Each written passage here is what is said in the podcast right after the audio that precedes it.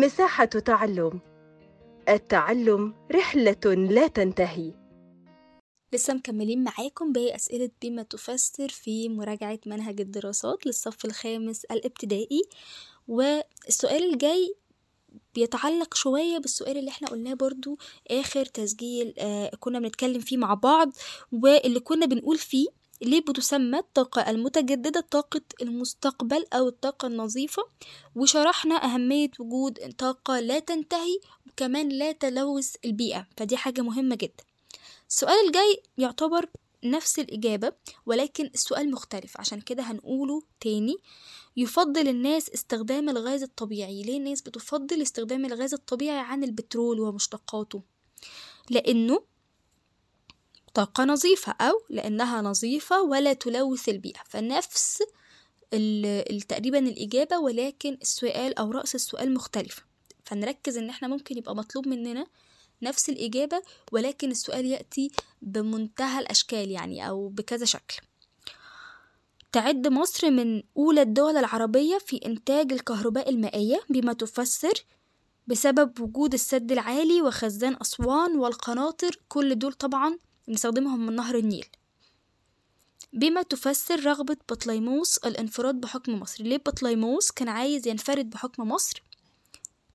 وذلك بسبب ثروات مصر العظيمة وتاريخ مصر العظيم. طبعا ده خلاها مطمع لكل الناس اللي موجودة في العصر ده. بما تفسر تسمية العصر البطلمي بهذا الاسم. وذلك بسبب أو نسبة إلى بطليموس الأول مؤسس دولة البطالمة. بما تفسر إنشاء بطليموس الأول الكثير من المناحل طبعا إحنا قلنا إنه كان هدفه من المناحل دي تصدير العسل إلى الصين. بما تفسر انتحار أنطونيوس وكليوباترا بسبب هزيمتهم في معركة أكتيوم البحرية على يد أكتافيوس واتكلمنا برضو عن الجزء ده أكتر من مرة. بما تفسر أهمية مصر بالنسبة لروما مصر كانت بترسل لروما كل عام شحنة كانت بتسمى بشحنة القمح السعيد. بما تفسر إنشاء الرومان حصن بابليون في مصر وذلك كان بسبب إنه يسهل عليهم السيطرة على ثورات المصريين لأنه كان بيتوسط بين الوجه البحري والوجه القبلي. فكانوا عايزين يسيطروا على ثورات المصريين فعملوا حصن بابليون. بكده نكون خلصنا أهم أسئلة بما تفسر اللي ممكن تقابلنا. الأسئلة الجاية وهي أكمل العبارات التالية. واحد من مصادر المياه العذبة في مصر نقط ونقط؟ مصادر المياه العذبة اللي هي الأنهار والبحيرات العذبة. إيه الأنهار الموجودة عندنا؟ نهر النيل برافو.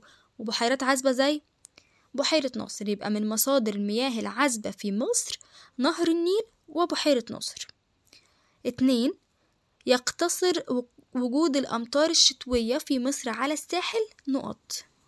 الساحل الشمالي برافو. إحنا قلناها في أسئلة بما تفسر. تلاتة المصدر الرئيسي لمياه الشرب في الواحات هو نقط طبعا المياه الجوفية اللي بيتم استخراجها من الآبار والعيون. أربعة يوجد الحديد في عدة مناطق بمصر منها نقط اللي هي الواحات البحرية. خمسة يعتبر الحديد أساس نقط الحديثة. الحديد أساس الصناعات الحديثة برافو. ستة يدخل الفوسفات في صناعة نقط ونقط. إحنا قلنا الفوسفات بيدخل في صناعة الأسمدة الزراعية والمبيدات الحشرية. أمال إيه اللي كان بيدخل في صناعة الحديد والصلب؟ المنجنيز برافو. وده السؤال اللي جاي بعد كده. المنجنيز عامل أساسي في صناعة نقط؟ إحنا قلنا طبعا الحديد والصلب. هنقف لحد الجزء ده من الأسئلة وهنستناكم في التسجيل الجاي عشان هنكمل باقي أسئلة مهمة جدا جدا جدا. شكرا ليكم.